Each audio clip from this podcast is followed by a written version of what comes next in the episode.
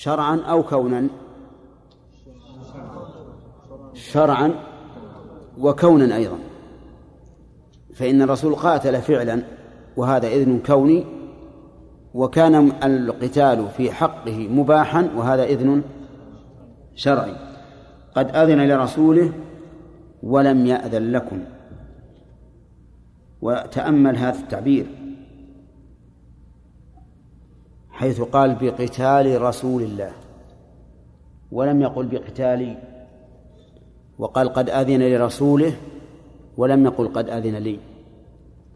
إشارة إلى أنه إنما استباح ذلك بصفته رسولا لله عز وجل. ومعلوم أنه لا أحد يكون رسولا بعده. فالعلة التي من أجلها رخص له لا يمكن أن توجد في أحد. نعم. يقول ولم يأذن نعم. وإنما أذن لي فيها ساعة من نهار. أيضا هذا الإذن الذي أذن للرسول صلى الله عليه وسلم إذن مقيد. ساعة من نهار. وقد استنبط بعض العلماء من هذه الجملة أن النسخ الواقع ليس مرتين. بل هو مرة واحدة. لأن الإذن مقيد والنسخ إنما يرد على شيء مطلق. يعني لم تحل حلا كاملا حتى نقول ورد التحريم على الحل. بل كان الحل إلى أجل انتهى الأجل فعاد التحريم. فهو حل في تحريم. وهذا القول له وجه وسنتكلم عنه إن شاء الله في أخذ الفوائد. نعم. يقول وإنما أحلت وإنما أذن لي فيها ساعة من وإنما أذن لي فيها ساعة من نهار ثم عادت حرمتها اليوم كحرمتها بالأمس. عادت رجعت حرمتها اليوم أي يوم كان يتكلم كحرمتها بالأمس. طيب. إذا نفهم أن الغد في صدر الحديث هو غد اليوم الثاني. هو غد اليوم الثاني. لأنه انتهى التحريم انتهى الحل في عصر اليوم الأول. ولا غد بعد ذلك إلا غد اليوم الثاني. طيب يقول وقد عادت حرمته ثم عادت حرمتها اليوم كحرمتها بالأمس. فارتفع الحل حتى للرسول صلى الله عليه وسلم. حتى للنبي صلى الله عليه وسلم. لا يمكن أن يغزوها بعد هذا. ولذلك قال لا هجرة بعد الفتح. يعني لا هجرة من مكة بعد الفتح. إشارة إلى أنها لن لن يعود أهلها. كفارا حتى نحتاج إلى قتالهم. وقد عادت ثم عادت حرمتها اليوم كحرمتها بالأمس. فليبلغ الشاهد الغائب. يعني وأنا شاهد وأنت يا عمرو بن سعيد يا عمرو بن سعيد غائب وقد بلغتك. فجزى الله أبا شريح خيرا على هذه الصراحة. وهذا الكلام الذي وهذا الكلام الذي لم تأخذه فيه لومة لائم. قام أمام أمير جبار. يبعث البعوث لتقاتل أهل مكة. نعم. ومع ذلك يتكلم هذا الكلام. ولكنه في الحقيقة كلام بأدب بأدب رفيع. فإنه استأذنه أولا. فما ظنكم لو قال عمرو بن سعيد لا تتكلم؟ نعم. هل يتكلم؟ لا. لا يتكلم والإثم على من منعه لكنه سكت. والسكوت في مقام العرض إقرار. ولهذا تكلم رضي الله عنه هذا كلام ثم اعتذر. بأنه إنما تكلم بأمر النبي صلى الله عليه وسلم. بماذا؟ بقوله فليبلغ الشاهد الغائب. فليبلغ الشاهد الغائب. وما المراد بالشاهد؟ وما المراد بالغائب؟ المراد بالشاهد من شهد الرسول عليه الصلاة والسلام وسمع منه مباشرة والغائب من لم يكن كذلك. ويحتمل أن يراد بالشاهد على معنى نتوسع فيه أن يراد به العالم. ولهذا نجد المؤمنين إلى يوم القيامة يقولون ربنا إننا سمعنا مناديا ينادي للإيمان أن آمنوا بربكم فآمنا. ومن المنادي؟ الرسول عليه الصلاة والسلام. ومع ذلك نحن ما سمعناه. لكن بلغ عن بلغنا عنه بنقل الثقات و, و بالقرآن الكريم أنه نادى هذا النداء. فأقول يحتمل أن يكون المراد بالشاهد إيش؟ العالم توسعا. أما الشاهد الذي شهد بالعين هذا واضح. نعم يقول فقيل لأبي شريح ماذا قال لك عمرو؟ لما حدثته بهذا الحديث لأن الأمراء في ذلك العهد عندهم شيء من خشية الله. إذا حدثوا بحديث الرسول عليه الصلاة والسلام ما لا يمكن أن يعارضوه ولكنهم قد يتأولون. فقيل لي ماذا قال لك عمرو؟ قال أنا أعلم بذلك منك يا أبا شريح. والله أجهل منه. يقول أنا أعلم بذلك منك. سبحان الله الرسول يعني أبو شريح يحدثك عن رسول عن رسول الله وأن تقول أنا أعلم. ثم قال له إن إن الحرم لا يعيد عاصيا ولا فارا بدم ولا فارا بخربة. لا يعيد عاصيا. يعني من عصى الله ثم لجأ إلى الحرم فإن الحرم لا يعيده. بل يجب أن يقام عليه ما تقتضيه تلك المعصية. ولا فارا بدم يعني القاتل. إذا قتل شخصا ثم فر إلى الحرم لئلا يقتص منه فإن الحرم لا يعيده يعني لا لا يعصمه ولا فارا بخربة يعني بخيانة. يشير إلى عبد الله بن الزبير رضي الله عنه. أنه فار بخيانة وهي نقض العهد الذي بينه وبين بني أمية. يعني فكأنه يقول إن ما ذكرته عن الرسول عليه الصلاة والسلام مقيد أو مخصوص بمن فعل المعاصي ثم لجأ إلى الحرم. ثم لجأ إلى الحرم. وسيأتي إن شاء الله بيان هل هذه المعارضة صحيحة أو لا. ولا شك أن ما ذهب إليه عمرو بن سعيد هو أحد أقوال الأقوال في المسألة كما مر علينا بالأمس. ولكن هل يصح هذا هل تصح هذه المعارضة أو لا تصح؟ يأتي إن شاء الله بعد الكلام على الحديث. ها؟ وين تسفك دما؟ أن يسفك بها دما عندنا أن يسفك تهادما تهادما. تهادما. نهى نهى دما بسفر واحد. نهى قولا لا لا النقطة هذه تحت. لكن خطأ في الطبع. هي غلط في الطبع. وش نهى دما هذه لغة بشتية ولا إيش؟ ها؟ شو؟ ضبطها يقول بخربة بضم الخاء المعجمة ويجوز فتحها وسكون الراء. بعدها باء موحدة وهي في الأصل سر- سرقة الإبل. خربة. خربة. خربة أو خ... أو خربة.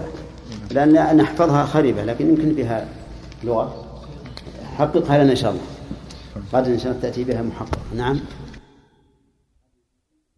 كريم قرأنا. طيب. إيه. فيه بحث.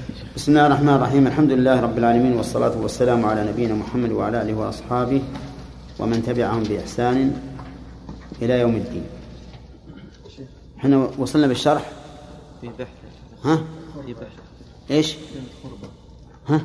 إيه نعم نعم. طيب. لكن يا شيخ قاضي عياض في كتاب مشارك الأنوار. ها؟ قاضي عياض ذكر في كتاب مشارك الأنوار. يقول وقوله ولا فارا بخربة كذا ضبطه الأصيلي بضم الخاء وضبطه غيره بفتحها. وبالفتح ضبطناه في كتاب مسلم عن جميعهم والراء في كلها ساكنة بعدها باء بواحدة مفتوحة وصواب بعضهم الفتح وكل صواب. وجاء في كتاب البخاري في تفسيره في كتاب الحج القربة البلية ومثله في رواية الهمداني وفي رواية المستملي يعني السرقة وفي روايته في المغازي البلية. وقال الخليل الخربة بضم بالضم الفساد في الدين ومشتق من الخارب وهو اللص المفسد في الأرض ولا يكاد يستعمل إلا في سارق الإبل. وقال غيره الخربة بالفتح السرقة. وقيل العيب وذكر فيها الخرابة وهي سرقة, سرقة, سرقة الإبل خاصة وبالحاء المهملة في كل شيء. يعني ما في خربة هي الفيروز أبادي ذكر شيخ أن الخربة موضع الخراب وهو ضد العمران. اي إيه إذا ما تصلح. ما خربة ما تصلح. هنا إما خربة وإما خربة. طيب. ها. الفوائد. نعم. في حديث أبي شريح فوائد كثيرة جدا. منها الأدب مع الأمراء. منها الأدب مع الأمراء يؤخذ من قوله ائذن لي أيها الأمير. ومنها أن الإمرة لا تزول بالفسق لقوله ائذن لي أيها الأمير. وفسق عمرو بن سعيد حصل بتأويل منه إن عددناه من أهل الاجتهاد. لأنه قال في النهاية نعم إن الحرم لا يعيد عاصيا إلى آخره. فإذا كان هذا الفسق بتأويل فإن فإن المتأول لا يفسق. وإن كان عند الثاني فاسقا. لأننا لو قلنا إن المتأول يفسق لأنه عند الثاني فاسقا كان فاسقا. لزم أن نفسق جميع المجتهدين المتأولين. لأن الثاني الذي ترى أنه فاسق يرى أنك فاسق. يرى أنك فاسق.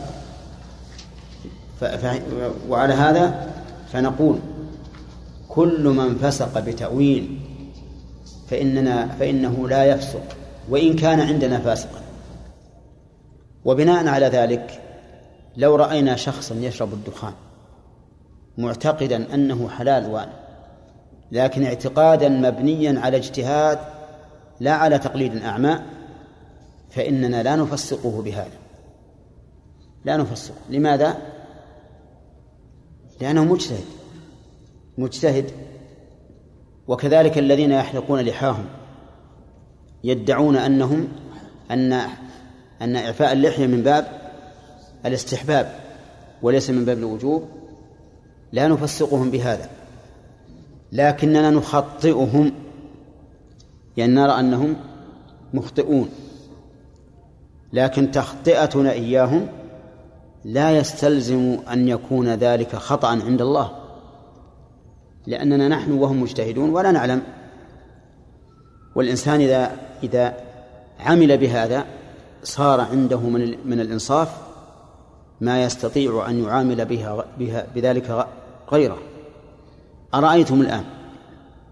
لو أن شخصا أكل لحم إبل وقام يصلي بلا وضوء معتقدا أنه لا ينقض الوضوء فإن هذا أشد من شرب الدخان عندنا. ليش؟ لأنه صلى بغير بغير طهارة. والصلاة بغير طهارة كفر عند بعض العلماء حرام بالاتفاق لكنها كفر عند بعض العلماء. أبو حنيفة رحمه الله يرى أن من صلى محدثا عالما بحدثه فهو كافر لأنه مستهزئ بآيات الله. فمثلا هذا الرجل نحن نرى أن صلاته إيش؟ باطلة وأنه آثم. هو يرى أن صلاته صحيحة وأنه مأجور. نقول ما دام ما دام اجتهادك أداك إلى هذا فإننا لا نفسقك ولا نقول أنت فاسق. إذن نحن فرعنا على قولنا إن الأمير لا تزول إمارته إيش؟ بالفسق. أعظم من ذلك المأمون. كان يجبر الناس على القول بخلق القرآن ويحبس عليه ويضرب عليه. وكان ممن من جملة من أوذي بذلك الإمام أحمد رحمه الله. وكان يخاطبه بأمير المؤمنين. أمير المؤمنين. نعم مع أنه يحمل الناس على فساد العقيدة. لكن لا تزول إمارته بذلك. ومن فوائد هذا الحديث شدة صراحة الصحابة رضي الله عنهم وأنهم لا يفوتون خطأ إلا نبهوا عليه لكن بأسلوب لبق من أين يؤخذ؟ ها؟ من أن أبا شريح رضي الله عنه لم يدع الإنكار على هذا الأمير في بعث البعوث إلى مكة ومن فوائد هذا الحديث أنه ينبغي للإنسان عند الحاجة أن يؤكد كلامه أي يقويه بكل ما يستطيع من أنواع التقوية. فلننظر ماذا قوى أبو شريح كلامه أو بماذا قوى. أولا قال الغد من يوم الفتح. يعني اليوم الثاني من يوم الفتح. وضبط الإنسان للزمن دليل على ضبطه لموضوع للموضوع. لأن اهتمام الناس بالموضوع أكثر من اهتمامهم بالزمن. فإذا كان هذا قد ضبط الزمن كان دليلا على ضبطه للموضوع من باب أولى. طيب. وثانيا قوله سمعته أذناي. هذا أيضا من التأكيد. يعني أنه لم ينقل إلي نقلا وقول سمعته أذناي فيها تأكيد آخر. وهو قوله أذناي. لأنه لو حذف وقال سمعته كفى. لكن كونه يضيف السمع إلى آلة السمع وهي الأذن يكون هذا أبلغ في التوكيد كما قال الله تعالى وما من دابة في الأرض ولا طائر يطير بجناحيه. نعم. وكذلك أيضا ولو نزلنا عليهم كتابا فلمسوه بأيديهم واللمس لا يكون إلا باليد لكن هذا من باب التوكيد. هنا سمعته أذنان فيه التوكيد ولا لا؟ حيث أضاف السمع إلى إلى الأذن. سمعته أذنين هذه اثنين. بل ثلاثة. الرابع قوله ووعاه قلبي. وعاه أي حفظه. وصار وعاء له. وهذا أيضا من التوكيد. الرابع الخامس قال وأبصرته عيناي.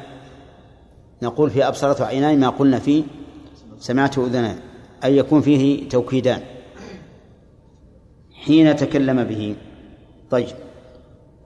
إذن ينبغي للإنسان في الخطاب الهام الذي يحتاج إلى توكيد أن يؤكده بأنواع المؤكدات كما فعل أبو شريح رضي الله عنه.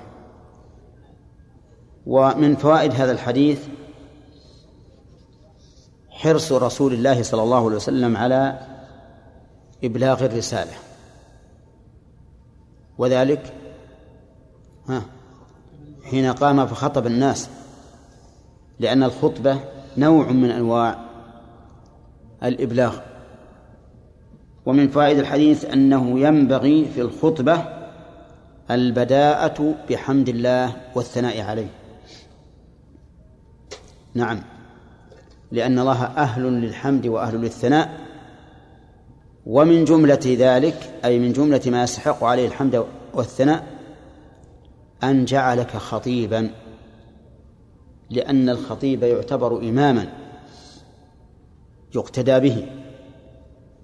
فإذا كان الله من عليك بهذا المقام فيحسن أن تبدأ هذه الخطبة بالحمد والثناء. ومن فوائد الحديث بيان أن الله عز وجل هو الذي حرم مكة. أن الله هو الذي حرم مكة. قال إن مكة حرمها الله ولم يحرمها الناس.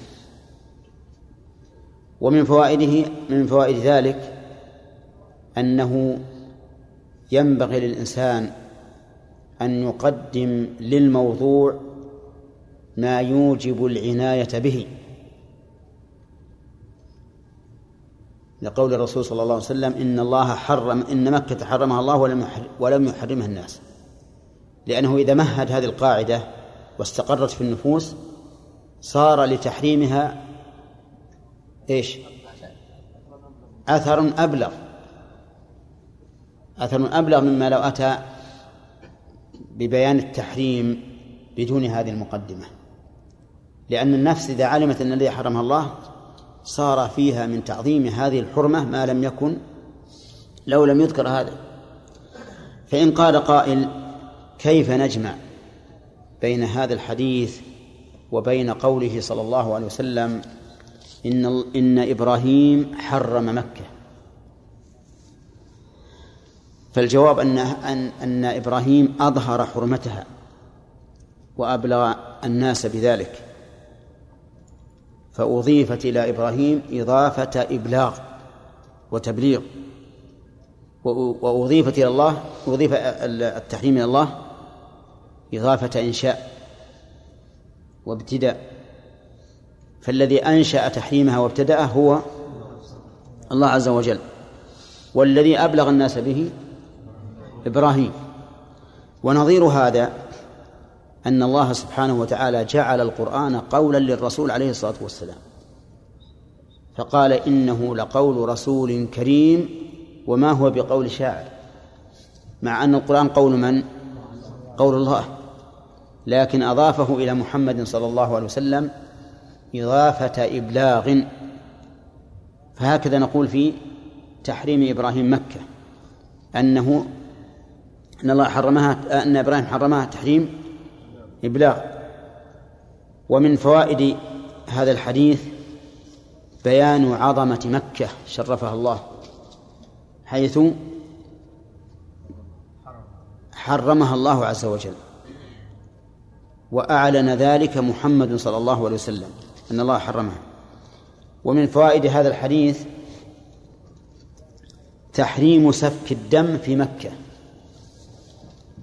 لقوله فلا يحل لامرئ يؤمن بالله واليوم الآخر. أن يسفك بها دما.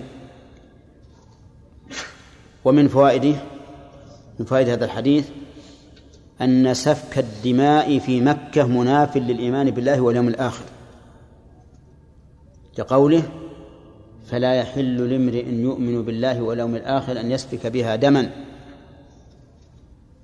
ومن فوائد هذا الحديث أنه ينبغي للمتكلم أن يأتي بالعبارات التي تغري على التمسك بما يريده المتكلم. منين يؤخذ؟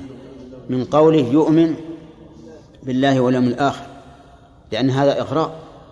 فإن وصف الإيمان بالله واليوم الآخر يثير النفس ويوجب التمسك بما أرشد إليه.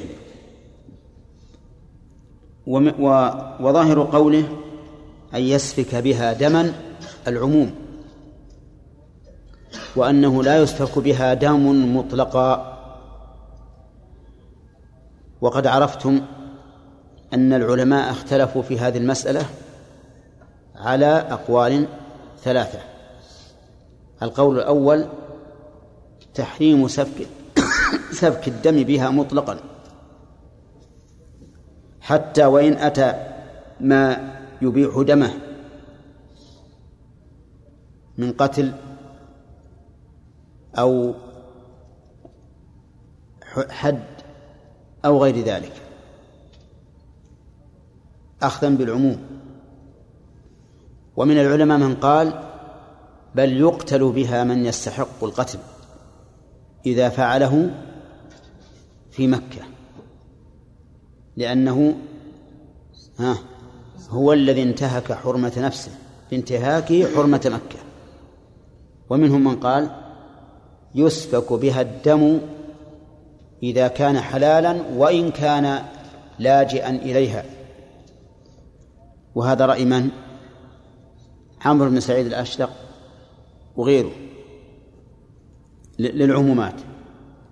وسبق لنا أن القول الراجح أنه إذا أتى ما يوجب أو ما يبيح القتل في مكة فإنه يقتل وإن أتى ما ما يبيح القتل خارج مكة ثم لجأ إلى مكة فإنه لا يقتل ولكن ماذا نصنع؟ لأن لا بد أن نصنع شيئا لأننا لو قلنا من فعل ما يبيح القتل ثم دخل إلى مكة لجأ إلى مكة فإن لا نقتله. لكانت مكة ملجأ ها للمجرمين. أليس كذلك؟ ونبقى في إشكال عظيم. تبقى مكة بؤرة فساد. لكن نقول إنه ها يضيق عليه. كما روي عن ابن عباس وغيره يضيق عليه. لا يواكب ولا يشارب ولا يكلم. نعم ولا يؤوى. ها؟ ولا إيش؟ ولا يسلم عليه. ولا يسلم عليه. وينصح أيضا. نكلمه للنصيحة. يقول اتق الله أخرج. أخرج ليقام عليك حد الله. نعم. هو إذا إذا عمل به هكذا فإنه سيخرج. لا يأكل ولا يشرب ولا يكلم ولا يؤوى ولا أين يكون؟ ولكن ذكرنا أمس إن في هذا إشكالا بالنسبة لوقتنا الحاضر. ما هو الإشكال؟ أن أن الخيانة في, وقتنا كثيرة. يمكن يجي إنسان يؤويه في الليل من حيث لا يشعر الناس. نعم. ولكن ولكن يمكن التحرز من هذا. بأن نجعل شرطيا يلازمه. يلازم. ما يكلم أحد ولا يعطيه ماء ولا طعام ولا شراب. نعم. ولكن نخشى أن يكون حاميها حرميها. نخشى أن الشرطي أيضا يخون. فالمسألة مشكلة. المسألة مشكلة. فإذا تحققنا أنه لن يمكن إجراء اللازم في هذا فلا حرج على الإمام أن يلزمه بالخروج. يلزمه بالخروج قهرا لإقامة الحد عليه لئلا يفسد تفسد مكة بإيواء المجرمين. طيب ومن فوائد هذا الحديث تحريم قطع الشجر في مكة. لقوله ولا يعضد بها شجرة. فإن قال قائل لو عضد بها غصن شجرة قطع غصن شجرة. ها؟ لا شيء عليه؟ ليس له ذلك. ها؟ إيش؟ هذا نقول فرع يصح لا يجوز لأن عضد الشجرة يشمل عضدها كلها اجتثاثها من الأصل أو عضد بعض أغصانها. طيب. فإن فعل ذلك سهوا إن فعل ذلك سهوا. نعم. فلا شيء عليه. لا شيء عليه. مثل إنسان أراد أن يضرب خيمته في في منى وإذا بالمكان شجرة فقطعها سهوا. فلا شيء عليه. طيب وإن قطعها جهلا يظن أن ذا أنه لا بأس بذلك. فلا شيء عليه أيضا. لقول الله تعالى وليس عليكم جناح فيما أخطأتم به ولكن ما تعمدت قلوبكم. وقوله ربنا لا تؤاخذنا إن نسينا وأخطأنا فقال الله قد فعلت. واضح؟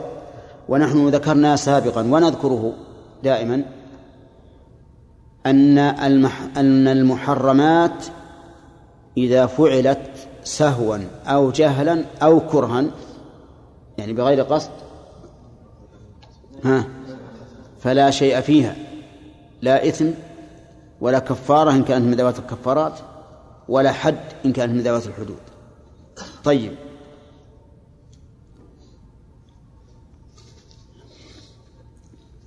لو أن شخصا غرس بها نخلة ثم قطع النخلة. ها؟ طيب لا شيء عليه. ألستم تقولون بالعموم؟ أجيبوا لا تقول. ألستم تقولون بالعموم؟ نعم ولا بلى؟ ها؟ بلى. إذا قلتم نعم وأنا أقول لكم ألستم معناه لا لا نقول بالعموم. طيب إذن تقولون بالعموم. كلمة لا يعضد بها شجرة شجرة نكرة في سياق النفي. فتكون للعموم. تكون للعموم. نقول صحيح هي تكون للعموم. لكن هناك ما يدل على الخصوص وهو أن الرسول عليه الصلاة والسلام ذكر في بعض ألفاظ الحديث لا لا يعضد شجره أو شجره شجرها ولا يحش حشيشه. فأضاف الشجر إلى الحرم أو إلى مكة. فدل هذا على أن المراد بذلك ما لم ما لم ينبته الآدمي. أما ما أنبته الآدمي أي غرسه فهو له ملكه. طيب. وظاهر الحديث. أنه لا جزاء في عضد الشجر. لا جزاء في عضد الشجر أي قطعه. يعني لو قطعت شجرة فلا جزاء عليك. من أين يؤخذ؟ لأنه لم يذكر له جزاء. ولم يرد عن الرسول عليه الصلاة والسلام حديث في أن قاطع الشجر في الحرم عليه جزاء.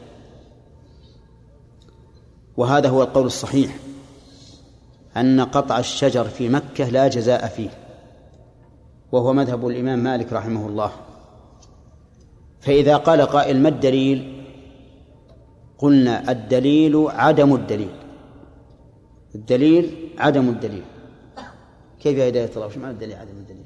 يعني بعدم وجود الدليل هذا دليل إيه. في كل شيء أو كل شيء في- كل شيء أو كل شيء يعني حلال إلا بالدليل. نقول الدليل عدم الدليل. الدليل على عدم وجوب الجزاء ها؟ عدم الدليل على وجوبه. والأصل براءة الذمة. طيب. وقال بعض العلماء بل فيه جزاء. فالشجرة الكبيرة ببقرة وما دونها بشاة. ولكن لا دليل على هذا. طيب. فإن قال قائل هل يجوز للإنسان أن يضع فراشا على أرض فيها حشيش في مكة؟ مع العلم بأن الفراش ربما يهلك هذا الحشيش. ما الجواب؟ الجواب نعم يجوز. يجوز أن يفرشه. لكن بشرط أن لا يقصد إتلاف الحشيش أو الشجر. ودليل ذلك أن الحشيش موجود في عهد الرسول عليه الصلاة والسلام. وأنهم يضربون الخيام ويجلسون على الأرض. ولازم ذلك أن يتقطع بعض الشجرات أو الأوراق. ولا يمكن أن نقول للناس لا تفرشوا الأرض أو لا تسفلتوها مثلا؟ لا يمكن أن نقول هكذا. كما أن الإنسان لو كان يمشي لو قدرنا أنه يمشي في الخط والخط كله جراد. يجوز يمشي؟ ولا نقول توقف حتى يطير الجراد؟ ها؟ يمشي. يمشي ولا حرج عليه. لكن لا يتقصد إتلاف هذا هذا الشيء. نعم. نعم. عن العباس قال في شجرة كبيرة بقرة إي نعم. ما يكون هذا له حكم لا. يكون هذا اجتهاد منه لأن حتى لو لو صرح بأن الرسول قاله قلنا يكون هذا دليل. لكن لما سكتت الأدلة عن الرسول عليه الصلاة والسلام علم بأن ذلك لا يجب. نعم. إذا مكة مثلا بحشر إذا إذا قام رجل بحشر حشيش في مكة بتعليف غنم في مكان آخر. بتعليفها نعم. فهل في هذا ما يجوز. لو كان قصده التعليف وتغليف إي نعم. حتى لو لو كانت في مكة لو كانت في مكة. يعني مو بلازم أن تكون في الحل يعني لو أراد أن يحش الحشيش لغنمه التي عنده في مكة فهو حرام فلا شيء عليه لا شيء عليه. إذا سلطها إذا أتى بها إلى هذا المكان. أي نعم. فلم يجعل هو شيئا إنما ها؟ لا شيء عليه. لا شيء عليه. هو يعرف إن, إن, إن البعير ستأكل من الشجرة هذه. هذا رزق رزقه الله سبحانه وتعالى. رزق رزقه الله. أنت سلطتها عليه.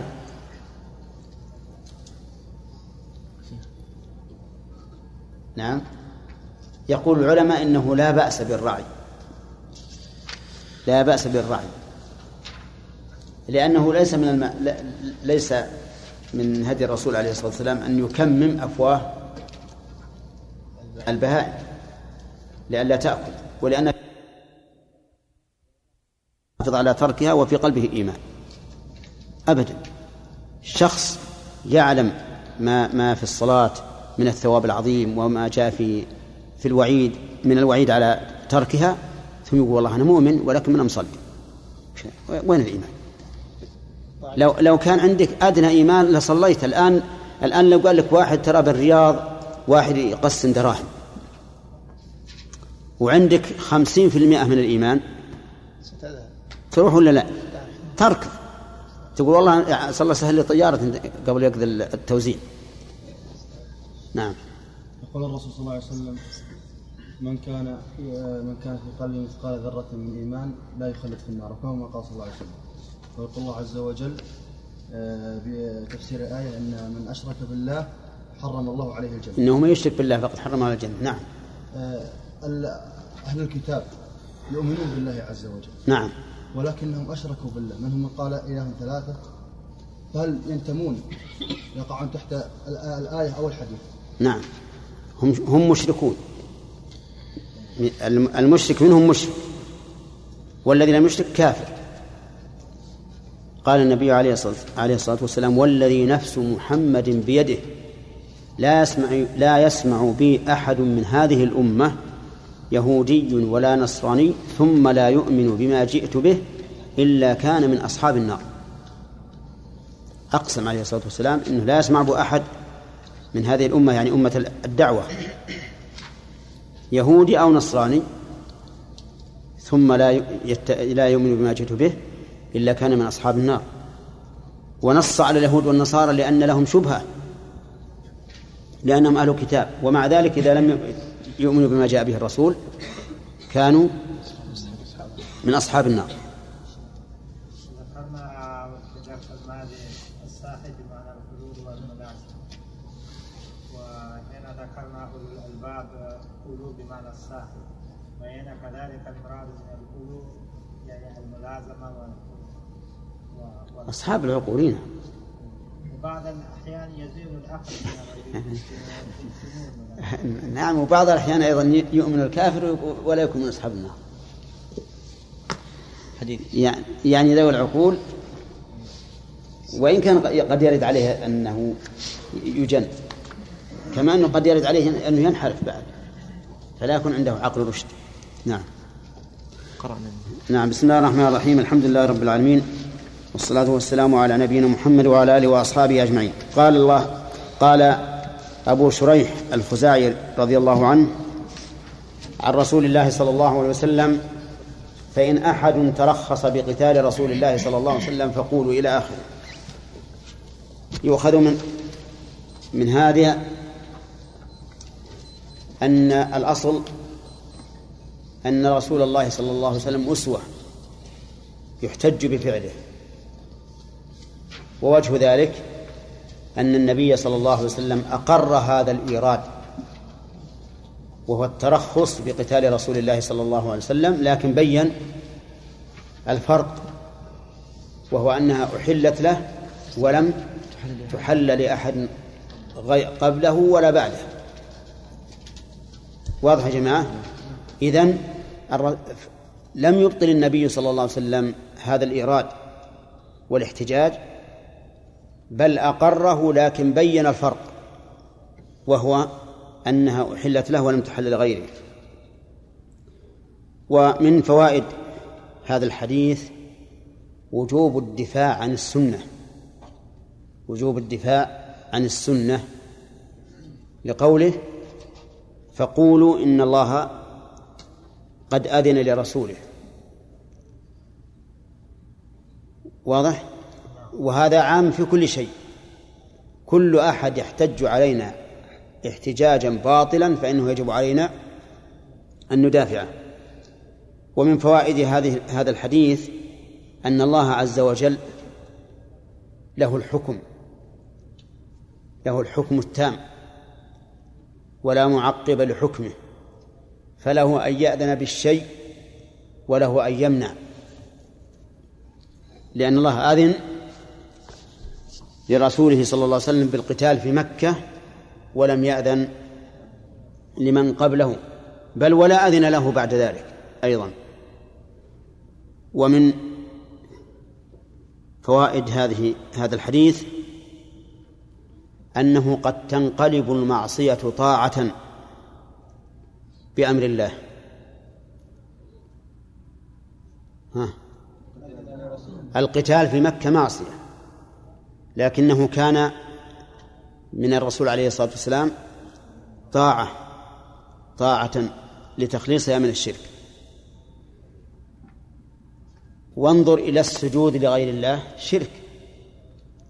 لكن لما أمر الله بالملائكة أن يسجدوا لآدم كان طاعة وتركه كفرا. لأن إبليس كفر بترك السجود. وقتل النفس المعصومة من كبائر الذنوب. ولا سيما ذوو القربى. ولما أمر الله إبراهيم أن يقتل ابنه صار القتل طاعة وبرا. فالأمر إلى الله عز وجل. هو الذي يحكم بما شاء سبحانه وتعالى فلا أحد يعترض على حكم الله. وإذا كان الأمر كذلك يتفرع على هذا الفائدة وهي أنه ليس من حقنا أن نقول لماذا أحل الله كذا وحرم كذا. لما لماذا أوجب الله كذا ولم يوجب كذا؟ هذا لا يجوز اعتراض على الله. فلو قال قائل لماذا أوجب الله الوضوء من لحم الإبل وهو طيب ولم يوجب الوضوء من لحم الخنزير وهو خبيث. ماذا نقول؟ الأمر إلى الله. ولا يحل لك أن تعترض هذا الاعتراض. سلم. ولو قال قائل لماذا حرم الله لحم الخنزير ولم يحرم لحم البقر؟ نقول الأمر إليه. حتى لو جاء أكابر الأطباء وشهدوا بأن الدودة الشريطية أو غير شريطية في لحم الخنزير موجودة في لحم البقر نقول لهم كذبتم. كذبتم. ولو أنكم صدقتم لكانت في الخنزير ضارة وفي البقر غير ضارة. الحمير كانت مباحة تؤكل ولا تضر.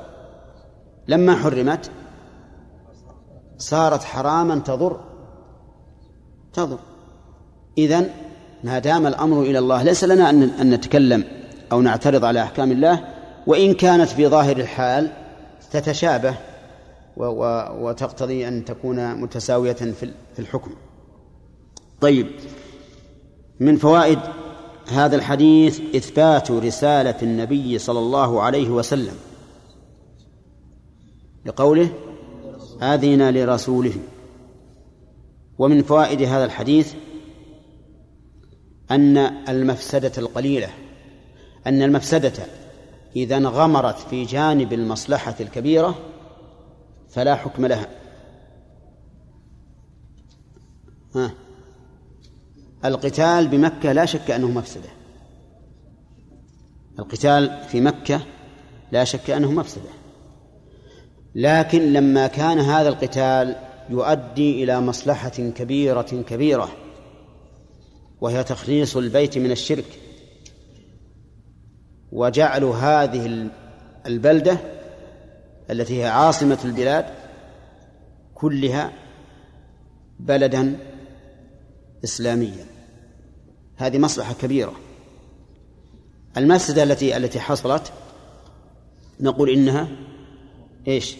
منغمرة في جانب المصلحة.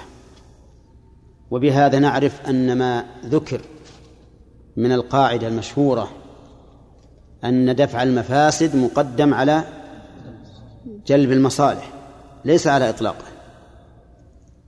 بل إن دفع المفاسد مقدم على جلب المصالح مع التساوي أو مع رجحان جانب المفسدة. أما إذا ترجحت إذا ترجح جانب المصلحة فالاعتبار بالمصلحة ويشهد لهذا أيضا أو يشير إليه قول الله تعالى يسألونك عن الخمر والميسر قل فيهما إثم كبير ومنافع للناس وإثمهما أكبر من نفعهما فهذه القاعدة المشهورة وهي دفع المفاسد أو درء المفاسد أولى من جلب المصالح مقيدة بماذا؟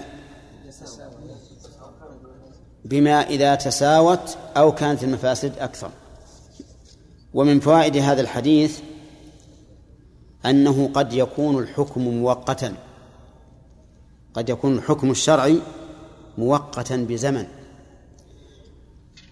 لقوله إنما أحلت لي ساعة من نهار. تقييد الحكم الشرعي بالوصف هذا كثير. فالغنى موجب للزكاة والفقر موجب لاستحقاق الزكاة. صح ولا لا؟ هذا تقييد بوصف وهو كثير جدا لكن تقييده بالزمن هذا نادر نادر. لكن منه هذا الحديث منه هذا الحديث أن أن الحكم الإباحة إباحة قتال القتال في مكة كان مقيدا. ومن فوائد هذا الحديث أن الضرورة تتقيد بقدرها. يعني أن الحكم أن الحكم الذي تقتضيه الضرورة يتقدر بقدر الضرورة. ها. لقول الساعة من نهار وهي ما بين طلوع الشمس إلى صلاة العصر. هذه أبيح القتال فيه هذا الزمن أبيح القتال فيه للضرورة. ولهذا تقدرت الضرورة تقدر الحكم بقدر الضرورة. نعم. ومن فوائد هذا الحديث جواز نسخ الحكم مرتين.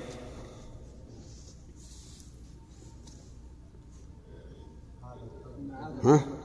ثم عادت حرمتها اليوم كحرمتها بالأمس. وهذه المسألة ذكرنا في أثناء الشرح أنها ذات خلاف بين العلماء. فمنهم من قال إنه لا نسخ لأن الحكم بالحل إيش؟ مقيد مقيد فيكون من باب التخصيص أي من باب تخصيص الزمن ببعض منه يكون فيه القتال حلالا. يكون فيه القتال حلالا. تباركم يا جماعة. والحقيقة أن الخلاف شبيه باللفظ. لأنك إن قلت إن هذا الحكم الذي هو الحل مقيد بزمن فلا يعتبر رفعا للحكم الأول بل هو ها لا يعتبر رفعا للحكم الأول بل هو مخصص. نعم؟ فإن الحكم لا يختلف أن ما بعد الزمن المعين يكون القتال حراما. وإن قلت إنه أحل أحل. ثم بعد ذلك حرم. الحكم لا يختلف. إلا أنه إذا قلنا أحل صار الإحلال مطلقا غير مقيد. ثم بعد ذلك رفع الإحلال. يعني هذا وجه الفرق. وهذا ليس في الحقيقة فرقا حكميا ليس فرقا حكميا. فالذين يقولون إنه مرتين يقولون تحريم تحليل تحريم. نسخ مرتين. فيجعلون التحليل الذي بين التحريمين يجعلونه ثبت اولا مطلقا غير مقيد. وإذا كان ثبت مطلقا غير مقيد اقتضى أن تكون أن يكون القتال حلالا دائما. ثم بعد ذلك رفع الحل صار هذا إيش؟ نسخا. أما القول الثاني فيقول لا تحريم ثم حل مؤقت. أخرج بعض الوقت من التحريم. ثم عاد التحريم فيكون هذا من باب التخصيص. بعد أن كان التحريم عاما في كل الأزمان خص منه هذا الوقت يعني انتزع منه ثم عاد الأصل فيكون تخصيصا. وأيا كان فأنا أرى أن الخلاف شبيه باللفظ والحكم الآن لا نزاع في أنه في أن القتال حرام إلى يوم القيامة. ومن فوائد هذا الحديث آه، وجوب تبليغ السنة والشريعة لقوله فليبلغ الشاهد الغائب الشاهد الغائب. طيب. هل نقول وقياسا على ذلك يبلغ العالم الجاهل؟ نعم. نقول قياسا على ذلك يبلغ العالم الجاهل. إن لم نقل إن العالم شاهد لأن العالم بما عنده من العلم يشهد أن هذا حكم الله ورسوله. فيكون داخلا في عموم قوله الشاهد. نعم. ومن فوائد الحديث أن التبليغ فرض كفاية.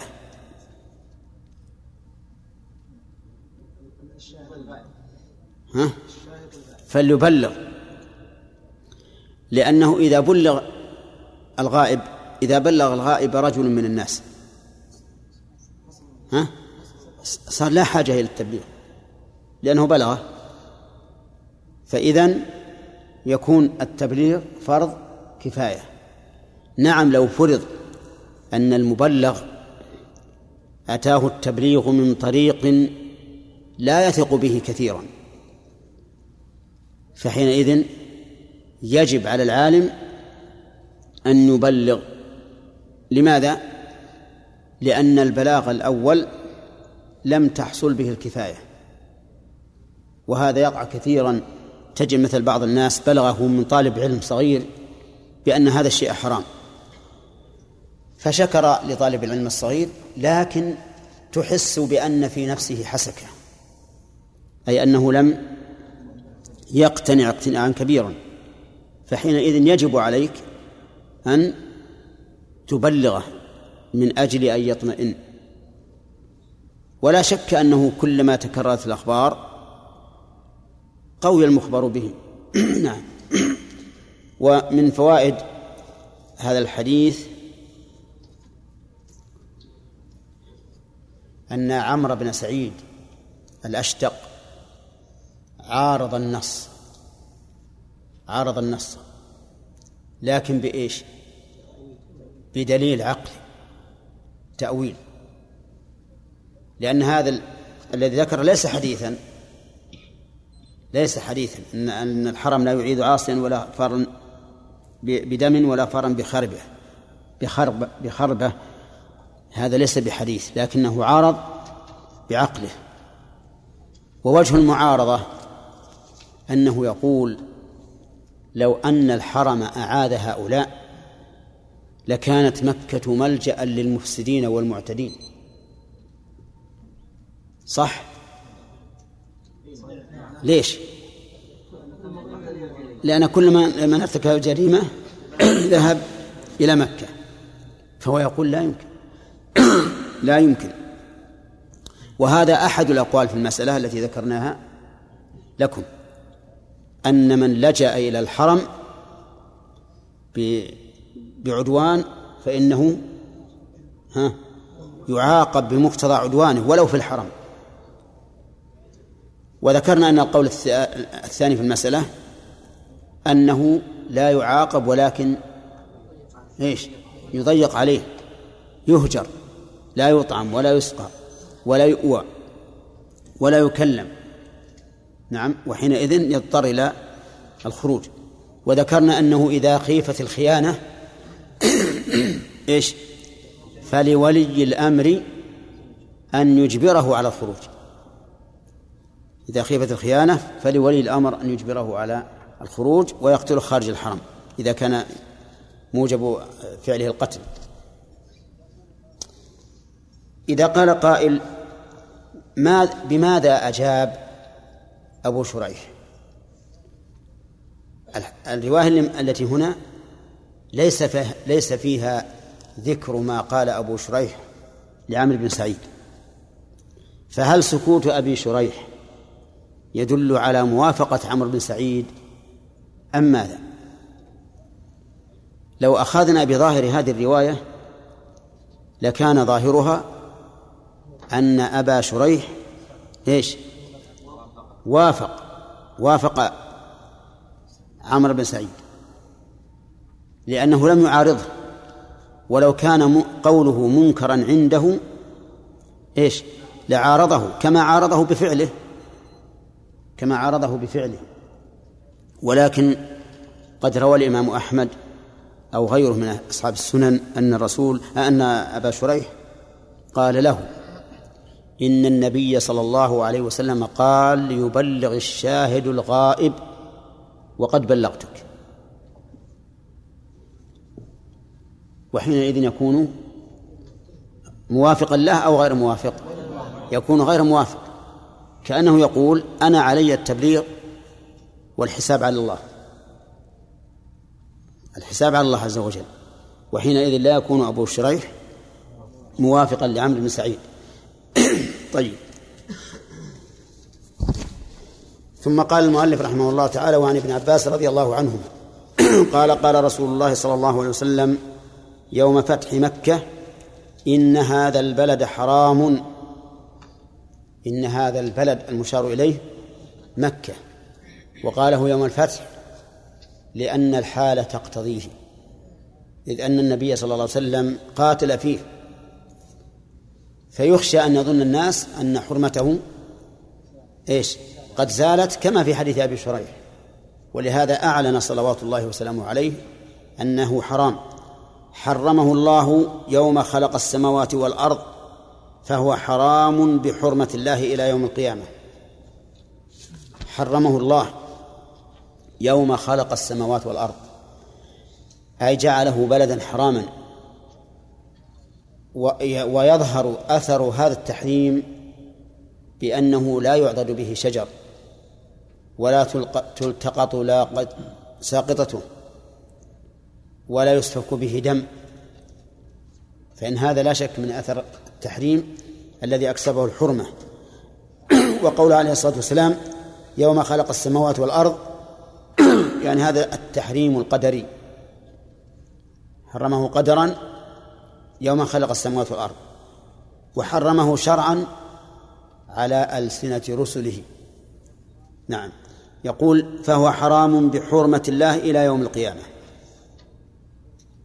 حرام بحرمة الله. الب هنا للسببية.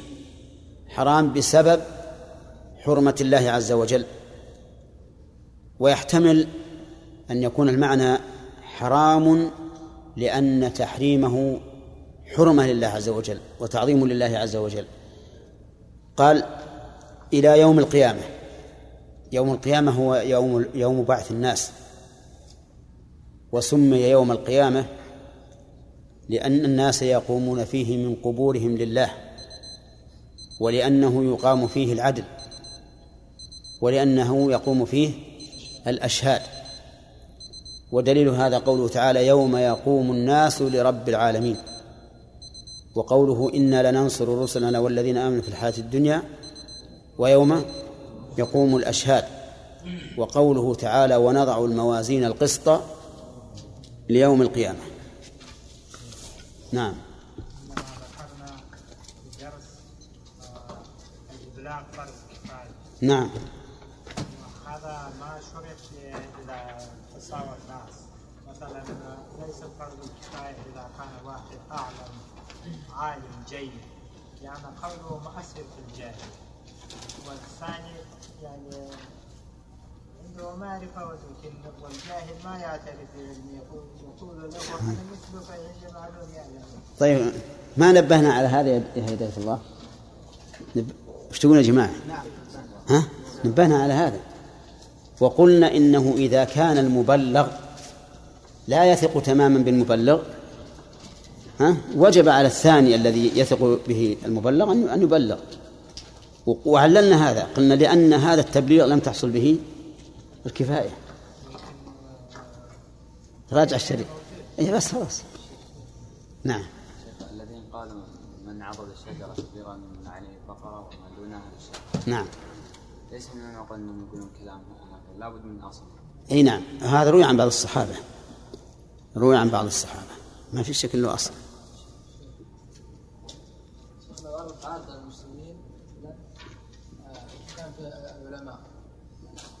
والناس يعني تخبطوا في هذه المسألة. هل يحل يعني العلماء أن يتوقفوا في المسألة كلهم؟ هل إيش؟ هل يحل بكل العلماء أن يتوقفوا في هذه المسألة؟ أن إيش؟ أن يتوقفوا في هذه المسألة؟ إيه؟ كل إنسان لا, لا لا يصل إلى علم يجب عليه التوقف. قال ابن مسعود رضي الله عنه إن من العلم أن تقول لما لا تعلم الله ورسوله أعلم. هذه بالحقيقة لا يجوز الإنسان أيضا أن يقدم على شيء وهو متوقف فيه. قال الله تعالى ولا تقف ما ليس لك به علم. نعم.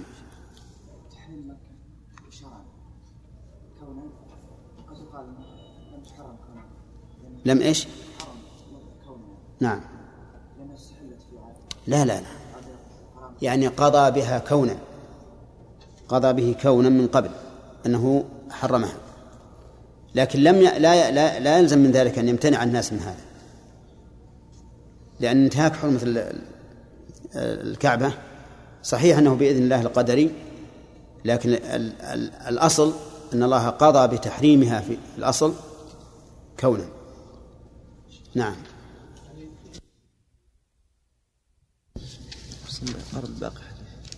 ما كملناها ما شاء الله. معك بسم الله الرحمن الرحيم. نعم.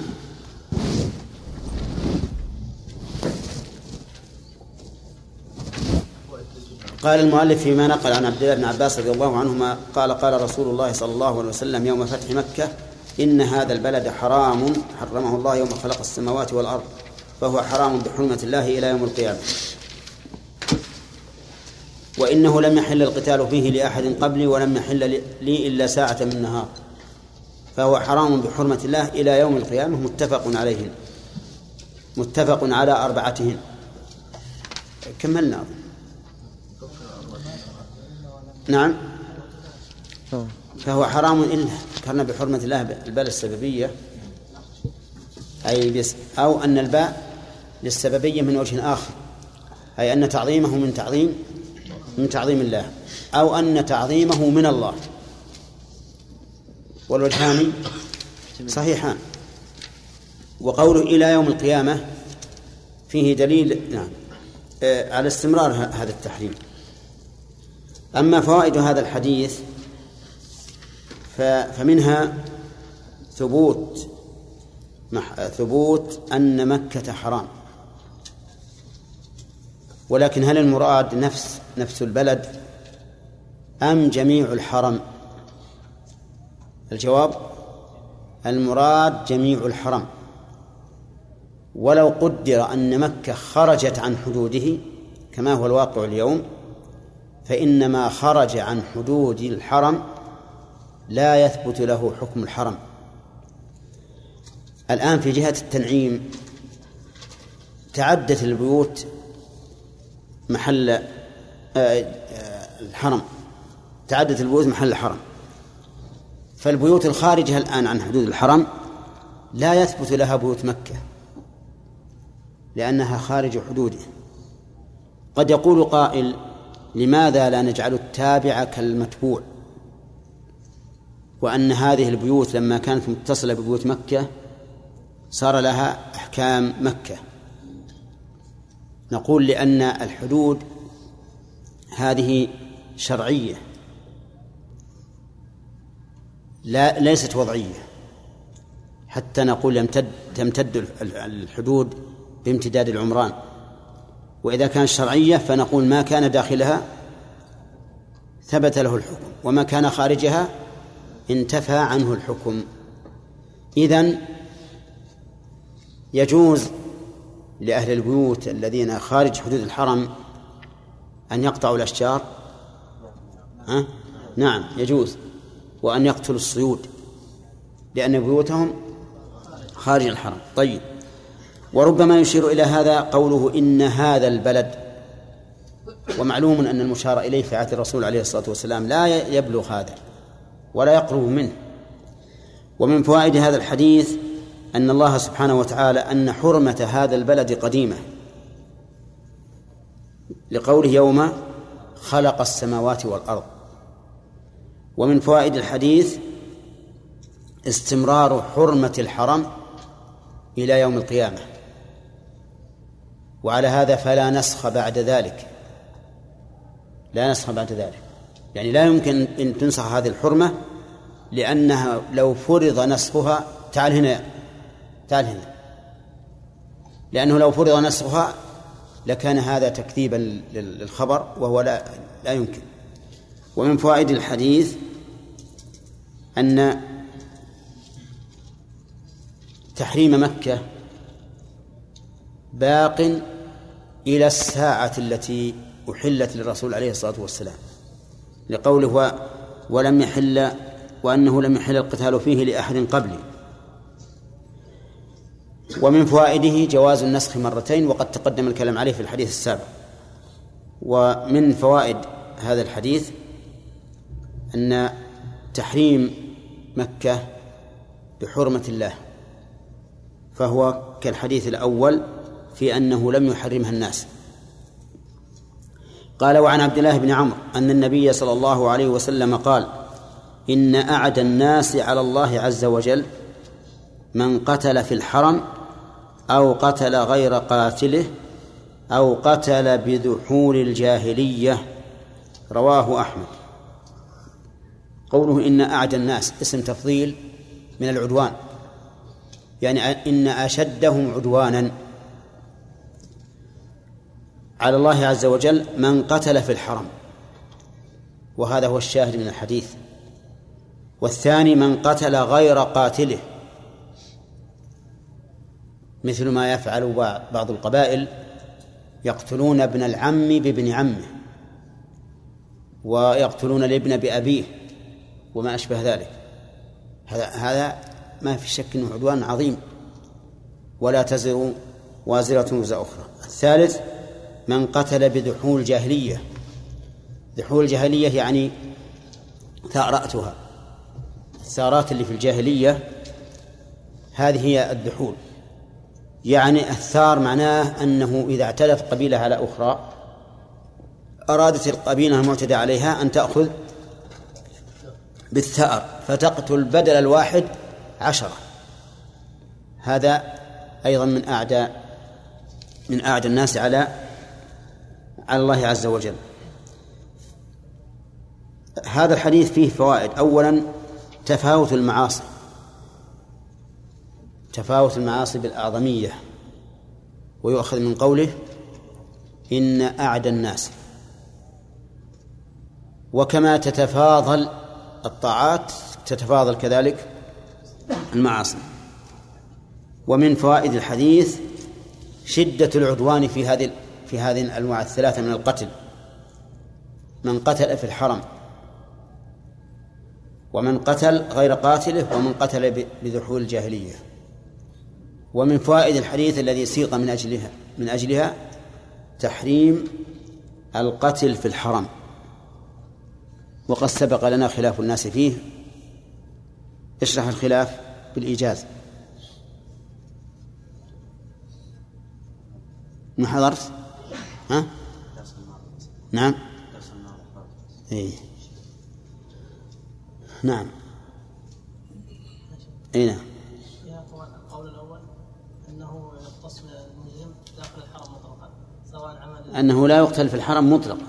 طيب والقول الثاني انه يقتل فيه مطلقا نعم. القول الثالث فيه تفصيل. وهو؟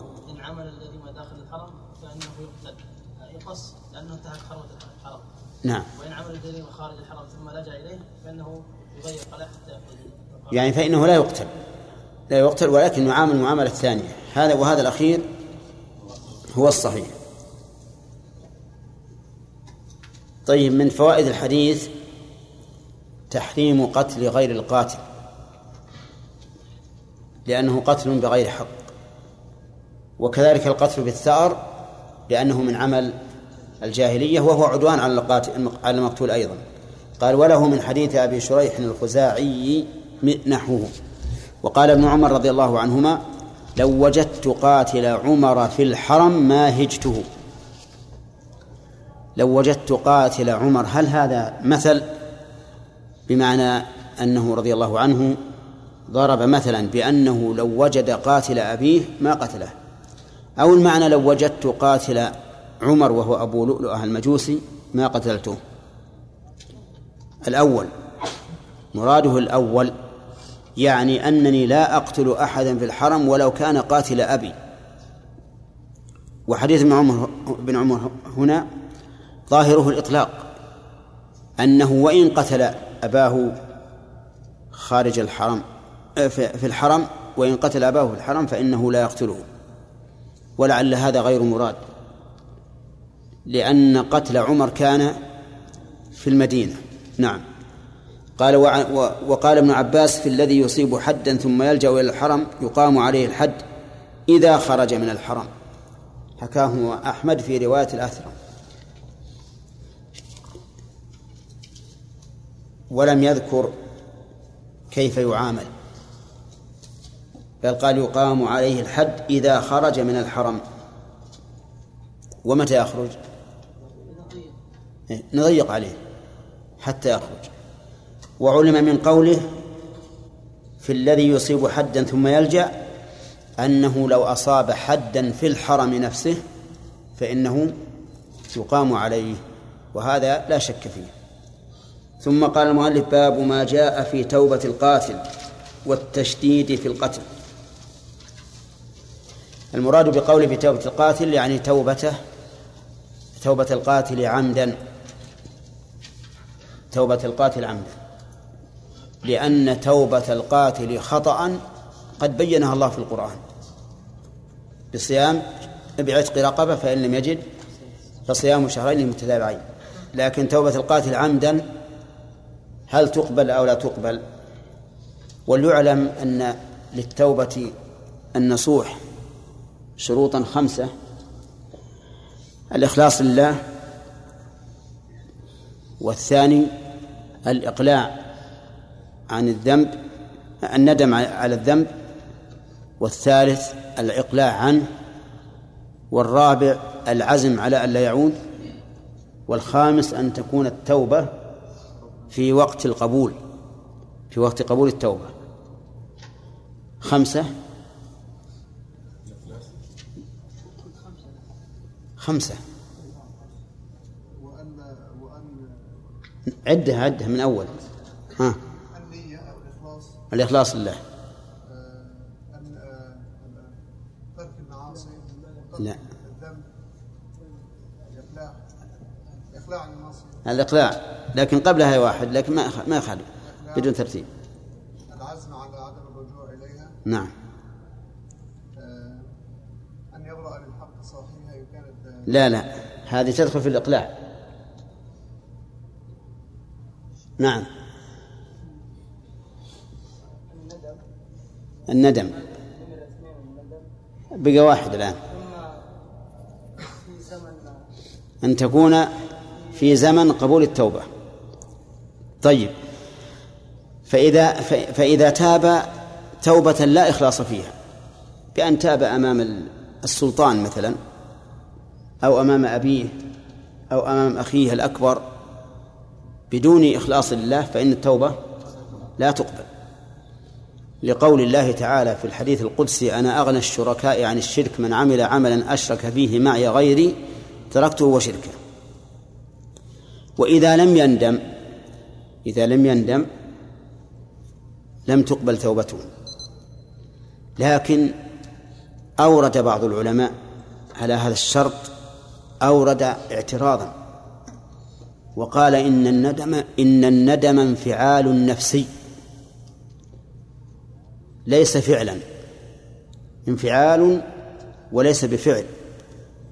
فكيف يجعل من شروط قبول التوبة؟ والإنسان لا يملك أن ينفعل. يملك أن يفعل. ولكن نقول الجواب على هذا أن يشعر الإنسان في نفسه أن فعله لهذا الذنب معصية فيندم ويحزن. نعم وهذا هو هو المراد. هذا هو المراد. وهل يملك الإنسان هذا أو لا يملكه؟ ها؟ يملكه يملكه. حتى أنت مثلا لو زرت صاحبا لك مثلا و... ولم تجده ندمت. قلت ليتني ما أتعبت نفسي حتى أجي وأنا لم أجده. فهو فالندم صحيح انفعال لكن هو يراد به ندم الفعل. إنك تندم بمعنى أن تشعر بأنك أذنبت وعصيت وأخطأت. طيب الثالث؟ ثالث.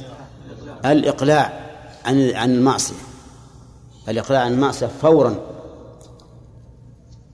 إن كانت لله فإن كانت ترك فإن كانت الذنب ترك واجب فافعل الواجب إن كان مما يقضى. وإن كان فعل محرم فاترك المحرم. نعم؟ طيب ما تقولون في رجل يقول أتوب إلى الله؟ أتوب إلى الله من الغيبة. ثم قال يا فلان وش تقول بالرجل الفلاني؟ الرجل هذا فاسق ناجن فيه ما في. هذا تائب ولا لا؟ ليش؟ ما أقله ورجل يقول أستغفر الله وأتوب إليه من الربا. ثم يقول للشخص الثاني مر علي بعد بعد شوي أعطيك 100 ريال ب 120 تائب هذا؟ غير تائب.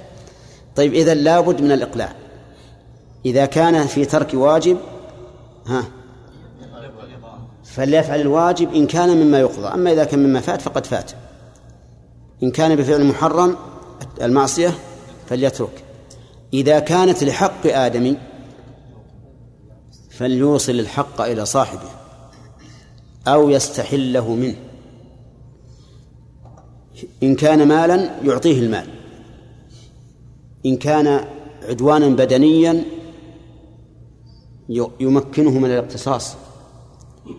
إذا كان عدوانا عرضيا عرضيا مثل قد اغتابه فليستحله. ولكن قال بعض العلماء إنه إذا كان عرضيا فلا يذهب إليه يستحله إلا إذا كان قد علم. إلا إذا كان قد علم. لأنك لو ذهبت إليه تقول له إني قد اغتبتك فسامحني فربما تأخذه العزة بالإثم ويقول لا. فإذا كان لم يعلم استغفر له وأثني عليه خيرا في المواضع في المواطن التي التي كنت تسبه فيها أو تغتابه فيها. أما إذا علم فلا بد من الذهاب إليه واستحلاله. واضح؟ طيب. إيش قلنا؟ الرابع العزم على ألا يعود. أي يعزم على ألا يعود. أو ألا يعود. ها؟ العزم على ألا يعود؟ إيه. أو ألا يعود. ألا يعود. العزم على ألا يعود. هذان قولان إيش تقول؟ العزم أن لا يعود. أو ألا يعود نعم. يعني يشترط للتوبة أن لا يعود إلى الذنب مرة ثانية. أو يشترط أن يعزم على ألا يعود.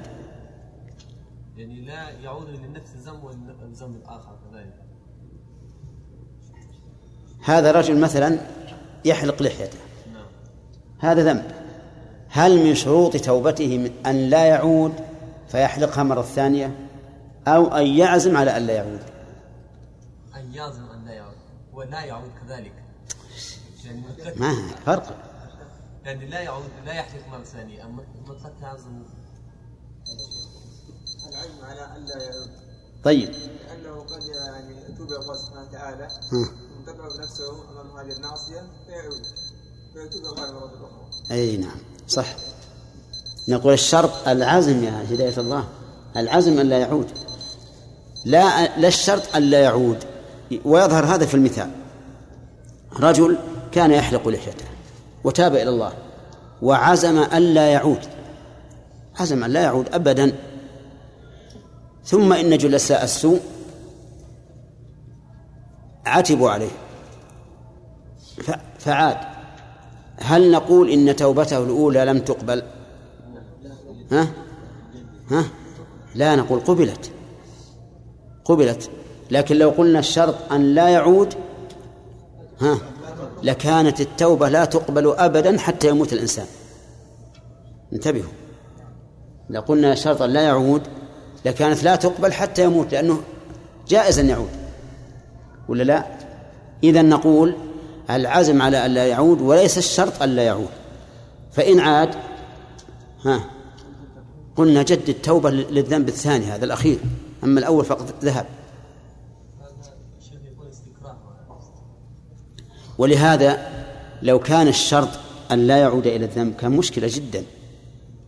كان لا يمكن أن تقبل التوبة إلا إذا مات. نعم؟ لأن كل وقت تيجي يمكن يعود. الشرط الخامس ها أن تكون في الزمن الذي تقبل فيه التوبة. وما هو الزمن الذي تقبل فيه التوبة؟ الزمن الذي تقبل فيه التوبة هو بالنسبة لكل شخص ما لم يحضره الأجل. لقول الله تعالى وليست التوبة للذين يعملون السيئات حتى إذا حضر أحدهم الموت قال إني تبت الآن. هذا لا تنفع التوبة. ولهذا لما تاب فرعون حين أدركه الغرق قال آمنت أنه لا إله إلا الذي آمنت به بنو إسرائيل وأنا من المسلمين. توبة ضرورة قيل له الآن تتوب؟ وقد عصيت قبل وكنت من المفسدين. ما تقبل. الزمن العام الذي لا تقبل فيه التوبة إذا طلعت الشمس من مغربها فإن الناس في تلك الحال يؤمنون كلهم ويتوبون. ولكن يقول الله عز وجل يوم يأتي بعض آيات ربك لا ينفع نفسا إيمانها لم تكن آمنت من قبل أو كسبت في إيمانها خيرا فلا تقبل التوبة. طيب من شروط التوبة الإقلاع. الإقلاع. آه، ما تقول في رجل يا مازن علشان يروح عنك النوم. ما تقول في رجل غصب أرضا. وهو يحرث فيها يحرث. هو الآن في وسط الأرض. فتاب إلى الله. من شروط التوبة أن يرد الأرض إلى إلى صاحبها. تاب إلى الله. هل تصح توبته؟ وهو الآن في وسط الأرض يعدل الماء ها؟ يعزم على أن ي- عزم أن أن أن يرد لصاحبها. يترك الشيء هذا ويذهب. إيه لكنه الآن في أثنائها لو أدركه الموت الآن قبل أن يخرج من الأرض. وقد, وقد عزم؟ عزم عزم. هو الآن مشى. مشى. ترك ال- المسحات وترك الماء ومشى بيس- بيسلمها لصاحبه لكنه إلى الآن في, في الأرض. ال- المغصوب تحت سيطرته. هل تقبل توبته أو لا؟ نعم تقبل إن شاء الله. لأنه إن شاء الله الرجاء كلنا نرجو لكن لا أنا أريد العلم اللي عندي. نعم آه، تقبل. تقبل؟ تقبل لأنه عزم على ترك هذا الشيء والرسول صلى الله عليه وسلم يقول إنما الأعمال. لكنه الآن متلبس به. لكن عزم على هذا الشيء. وش تقولون؟ في خلاف. صح. طيب لو مات في هذه الحال لكان مقبول التوبة. طيب فيها هداية الله. رجل غصب ثوبا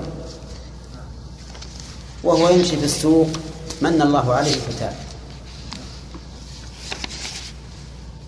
هل يخلع ثوبه في السوق؟ ثوب المغصوب الآن. طيب. إيه لكن هو الآن ال- ال- الدراهم معه أو في البيت. لكن حتى لو كان معه دراهم متى يصل إلى إلى إلى الدكان اللي فيه ثياب؟ قدرنا مثلا الدكان اللي فيه ثياب آه، عند المبيعة. نعم. وهو الآن الآن في المسجد. تاب إلى الله من هذا الثوب الذي غصبه. هو مخير. هو مخير. يمشي إلى بيته ولا إلى دكانه حتى يشتري إذا كان ما في بيته ثيابا أخرى يعني كشف العورة كذلك للناس حتى يأتي أولا إلى إلى مالك نعم.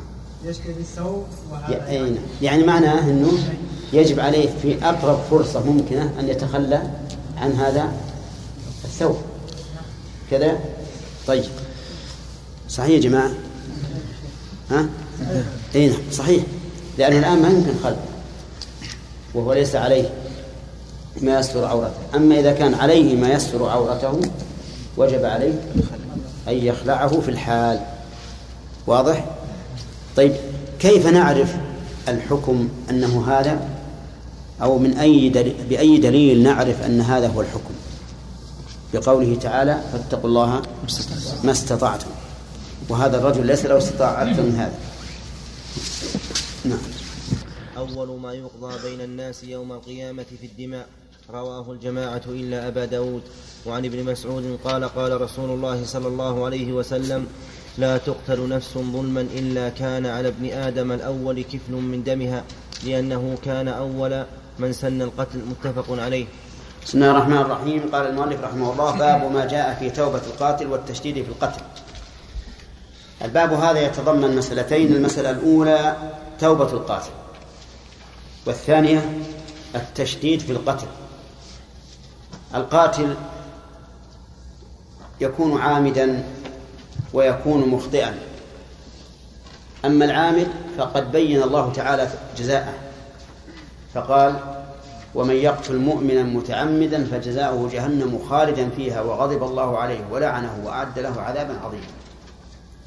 وأما المخطئ فبين الله عز وجل عقوبته بالكفارة فقال ومن قتل مؤمنا خطأ فكفار ومن قتل مؤمنا خطأ فدية مسلمة إلى أهله وتحرير رقبة. ثم قال في آخر الآية توبة من الله. يعني أن الله تاب علي على القاتل خطأ فألزمه بهذه الكفارة. وإنما ألزمه بالكفارة مع كونه مخطئا. وقد قال الله تعالى ربنا لا تؤاخذنا إن نسينا أو أخطأنا. ومع أن جميع الكفارات تسقط بالخطأ لعظم قتل النفس. لعظم قتل النفس. وإلا فإن من المعلوم أن الإنسان لو أخطأ فأكل أو شرب وهو صائم فلا قضاء عليه ولا إثم عليه. وكذلك بقية المحظورات. فلماذا أوجب الله الكفارة في الخطأ في القتل؟ نقول لعظم إيش؟ لعظم قتل قتل النفس. فالقاتل في كلام المؤلف يراد به القاتل عمدا. هل له توبة أو لا؟ والصحيح أن له توبة. جاء ذلك منصوصا عليه في القرآن الكريم. قال الله تعالى والذين لا يدعون مع الله إلها آخر ولا يقتلون النفس التي حرم الله إلا بالحق ولا يزنون ومن يفعل ذلك يلقى أثاما ذلك ما هو؟ أن يدعو مع الله إلها آخر أو يقتل النفس أو يزني. ذكر الله في هذه الآية أمهات الحقوق. حق الله وهو التوحيد وحق الآدمي في الدم وحق الآدمي في العرض. ثم قال يضاعف له العذاب يوم القيامة ويخلد فيه مهانا إلا من تاب. وآمن وعمل عملا صالحا فأولئك يبدل الله سيئاتهم حسنات. فاستثنى التائب وبين أنه سبحانه وتعالى يبدل إيش؟ سيئاته حسنات لأنه لأنه أحدث لكل ذنب توبة وكل توبة حسنة والحسنة بعشر أمثالها. فالآية صريحة في أن للقاتل توبة يرحمك الله. وذكر عن ابن عباس رضي الله عنهما أنه لا توبة للقاتل. لا توبة للقاتل. ووجه قوله رحمه رضي الله عنه أن القتل حق آدمي. وحق الآدمي لا بد من استيفائه. فكما أن الإنسان لو أخذ مال شخص ثم تاب إلى الله توبة نصوح. نقول لا تتم توبتك إلا برد الحق إلى صاحبه. كذلك القاتل لا تتم توبته إلا برد الحق إلى المقتول والمقتول قد انقضى من الدنيا. لا يمكن استحلاله ولا تعويضه. فلهذا لا, لا يمكن أن تتحقق التوبة لأن صاحب الحق ها قد مات. والحقيقة أن القتل عمدا يتعلق فيه ثلاثة حقوق. حق لله وهذا يسقط بالتوبة بلا شك وحق لأولياء المقتول. وهذا يحصل بتسليم القاتل نفسه لهم. يقول أنا قتلت وأسلم, وأسلم نفسي الآن. افعلوا ما شئتم. اقتلوا خذوا الدياء اعفوا كما تريدون. حق للمقتول لا يمكن استيفاؤه إذن التوبة ناقصة. ذهب ثلثاها وبقي إيش؟ ثلثها. فهذا هو الذي يحمل عليه حديث ابن عباس. وعندي والعلم عند الله. أن التائب من قتل العمد إذا صحت توبته فإن الله عز وجل يتحمل عنه ويرضي المقتول في الآخرة. لعموم قوله فأولئك يبدل الله سيئاتهم حسنات وفضل الله واسع. فإذا كان الله عز وجل قد ضمن أن يبدل سيئات القاتل حسنات فمن جملة ذلك حق المقتول يرده الله إليه. والله ذو الفضل العظيم. نعم ثم قال والتشديد في القتل. تشديد في القتل. سمعتم ما سبق من الآية الكريمة أن الله توعده بأربع عقوبات.